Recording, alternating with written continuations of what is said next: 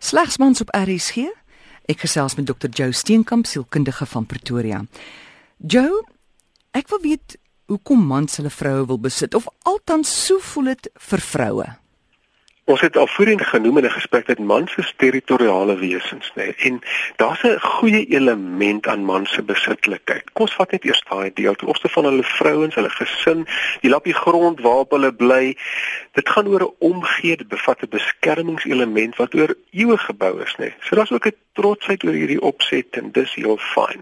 So dis die positiewe deel daarvan. Hierdie besittingsreg kom ongelukkig baie duidelik na vore en ek sê ongelukkig wanneer ons mense sien wat deur gewapende rowers soos 'n gesin en wat die man dan ervaar hy ervaar uh, is 'n skuldgevoel ontoereikende gevoel dat hy nie sy gesin kon beskerm in daai spesifieke ding of dan beskerm van om daai trauma te ervaar het nie. So sy gesin is van kosbaar, sy vrou is van kosbaar en daai deel van kom ons noem dit nou maar besitting vir die gebrek aan 'n ander woord is eintlik 'n baie positiewe deel. En jy weet as dit nie bestaan het nie, dan waarskynlik sou 'n groot deel van die populasie nie oorleef het nie. Man se grootste vrees het gewoonlik te doen met die rol van die gesinsversorger, suksesvol te wees in hulle werk, suksesvolle seksuele partner te wees en 'n goeie toekomsbeplanning vir die gesin te hê. Net so interessant, ek wou dit net so bysit. Ja. Maar nou, die interessante paradoks wat ons kry, is dat die intensiteit van 'n man se behoefte om te besit is gelykstaande aan sy selfbeeld en sy interne sekerheid. Met ander woorde, hoe meer ons wil besit en vashou, hoe laer is ons selfbeeld en hoe groter is ons onsekerheid. So daar's 'n verskil tussen uh, besitting en amper 'n vasgevangenheid, 'n tronk, 'n jaloesie. Want erge jaloesie is of dan daai vlakte moet gaan as 'n baie diep gesetelde ding.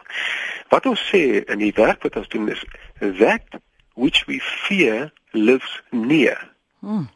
Dit wat ons vrees lê net onder die oppervlak en wag net vir die regte aktiveerder om dit oop te maak. So wanneer daar diep gesetelde emosionele onsekerheid is, dan kan ons baie maklik in die persepsie van die man sien my vrou flirt nou bietjie erg of so, maar intussen is sy net besig om gewone geselskap te maak. En dan moet ek vashou en ek moet keer want ek is besig om my vrees te probeer beskerm dat ek iets gaan verloor wat vir my kosbaar is. Hoe kan ek werk aan my man se selfbeeld dat hy dan beter voel oor homself, dat ek meer vryheid het? OK. Jy weet, mans se ego is 'n sensitiewe ding. Mans hou daarvan om te voel dat hulle suksesvolle uh huweliksmaats is of mm. ander maats is. So, dit is nogal belangrik. 'n Vrou het 'n ongelooflike sterk effek op 'n man se selfbeeld om te laat goed voel, om te laat voel sy is dankbaar vir dit wat hy na die tafel toe bring. En jy weet, mans is oor die algemeen harde werkers. Hulle wil graag baie graag vir hulle gesin en vir hulle huwelik die beste gee. Dis maar net omdat hulle persepsie anders is en nou nie die emosionele kommunikeerders is soos ons baie keer gesê het nie. Jy weet, doen hulle dit nie noodwendig soos wat die vrou dit ervaar nie. Jy weet, ek het eendag vir my vrou nuwe bande op haar motor laat sit en uh, 'n week later toe sy nog niks gesê het en ek vra sy liefie, ehm um, jy weet, nuwe bande. Ek sê sy, "O, hulle is so mooi rond." jy weet vir my is dit 'n manier van liefde wys. Vir haar is dit op 'n ander manier. En so die manier hoe ons mans erken is vir dit wat hulle doen. Hulle is doeners. Jy weet, sit nuwe bande op. Kyk dat daar nie kraak in die fondasie is nie en dat die dak nie in mekaar val nie. En daar's baie maklike maniere om 'n man se selfbeeld. Ek sê altyd jy wil hê die kristal moet blink, moet jy hom so 'n bietjie polish. So ehm um, dan wil ek net terugkom weer te sê, jy weet as jy as jy vir iemand vryheid gee, dis 'n ou ding. Jy weet ek dink dit kom nog van Steve McQueen en Ellie McCraw of daai tyd met the getaway flicks. Jy was nog glad nie gebore gewees nie. Ja. Hoe meer vryheid mens vir iemand gee, hoe minder het hulle dit nodig. Ek die verlies dan aan spontaniteit is ons grootste verlies.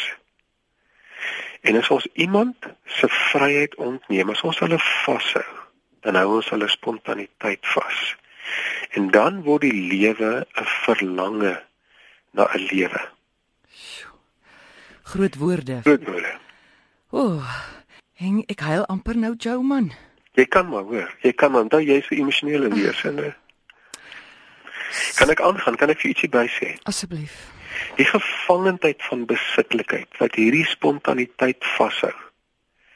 Ongelukkig skep 'n interne bitterheid suur op cellulêre vlak. Hierdie is ongelooflik belangrik. En dit weer word die teelaarde vir baie wat ons noem psigobiologiese simptome of probleme.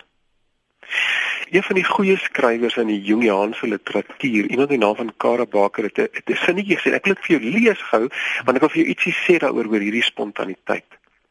Sy het gesê dat when the coping style realizes it's right to rest, hmm. other members of the internal tribe emerge. Yeah. When the coping style realizes it's right to rest, other members of the internal tribe emerge. As ek vryheid het in my huwelik, as my man vir my vryheid gee, so ek hoef nie heeltyd net op hierdie een coping style te wees nie, dan kan hierdie ander dele van my interne persoonlikheid kan ook begin leef, nê. Nee. 'n Vrou wat daai vryheid het in haar huwelik en haarself uitleef, is 'n gelukkige vrou en 'n gelukkige vrou en dit is een van die goed wat mense so min verstaan. 'n gelukkige vrou kyk mooi na man. Ja. Ooh jy is so reg so reg. Wanneer ons osself nie volledig kan uitleef nie dan bly die die lewe 'n verlange na iets die altyd nê dit daar's iets missing net daar iets weg en ek weet nie ek gaan sit op Toonboek toe en ek gaan stap hierdie lang goeters in Spanje so op soek na iets. Maar wat ek soek is net daai kontak net So gesels Joe Steenkamp en jy kan hom kontak by ship soos 'n skip.org.za